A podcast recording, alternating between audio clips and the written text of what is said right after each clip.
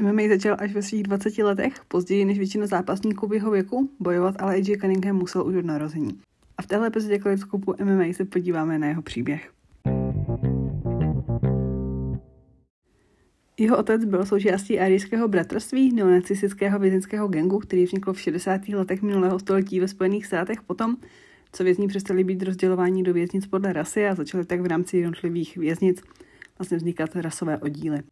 AG jako nejstarší ze čtyř bratrů vyrůstal ve skromných podmínkách v Arizoně, v domě, kde kromě koberců často chybělo i jídlo a byl tak nucen jíst žrádlo pro psy.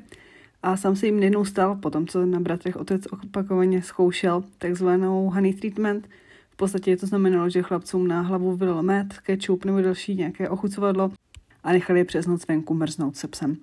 Vedle toho s cílem udělat ze svých synů děsivé zabijáky docházelo v době Cunninghamovy rodiny vedle tvrdého cvičení, takých bytí, lámání kostí i třeba aplikaci steroidů, který jim otec poměrně hojně píchal. Společně se pak pod dozorem otce dívali i na psí zápasy. Cunninghamové teprve začínali se školní docházkou, když se o rodinu pochopitelně začaly zajímat úřady. Tím, že ve škole neunikly pozornosti modriny chlapců a otec byl vyšetřován kvůli střelbě, dostala rodina varování, že při dalším prohřešku jim děti seberou. Vyřešili to tak, že se všichni zbalili a odstěhovali se do Arkansasu. Tam ale týrání ze strany otce pokračovalo a v AJových osmi letech byli bratři rodině odebráni. Nejstarší AJ ale dál dělal to, k čemu byl odmala motivován. Bral se. Když pak zhruba po roce našli pro jeho tři bratry adoptivní rodinu, nebyl doporučen k adopci společně s nimi, protože neustále vyvolával konflikty a rval se s ostatními, často i mnohem staršími dětmi. Na téměř půl roku dokonce skončil v nápravném zařízení pro mladistvé. Jeho nová máma ale trvala na tom, že ho tam nemůžou nechat a adoptování tak nakonec byli všichni čtyři a dostali šanci vyrůstat v novém rodinném prostředí, kde se nemuseli bát o život. Jako většina obětí, ale AJ nechce, aby tento jeho příběh byl vlastně to jediné, čím bude známý, ale v životě ho to pochopitelně ovlivnilo. Pojďme se ale podívat na jeho profil zápasnický. Je mu 29 let, v profesionálech to má 11-3, k tomu 15 zápasů mezi amatéry. Představil se v zavedených organizacích jako LFA nebo Fury FC. Představil se i na úvodním gala večeru Icon Fighting, na kartě, kde se objevil i s českou scénou propojený Cedric Dumes.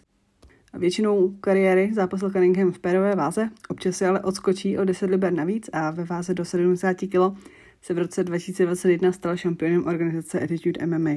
Hodně nebezpečný je Cunningham v úvodu zápasu, který často rád zahajuje nějakou speciální technikou, třeba naskočeným kolenem, poměrně dost využívá i loktů a kopů z otočky, ale není úplně uh, tak dobrý, když se dostane do ústupu, když něj soupeř zatlačí. A přestože je známý jako skvělý grappler, tak taky funguje spíše ofenzivně a pro soupeře nebývá obtížné ho vzít na zem. Jak už bylo zmíněno, tak Cunningham nakonec vyrůstal v Arkansasu, kde samozřejmě trénuje s Bryslem Mitchellem, který byl jedním z jeho trenérů v rohu během zápasu na Contender Series. Šanci dostat se do UFC dostal AJ v září loňského roku. Jeho super Steven Ngan si ale třetí šanci na kontrakt už vzít nenechal a AJ ukončil TKO před koncem druhého kola.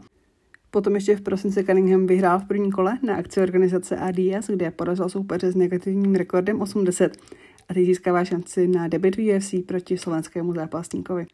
A v zápase s Lašem Kleinem určitě bude chtít předvést své životní moto. Můžete mi zlámat kosti, ale nezlomíte mé srdce.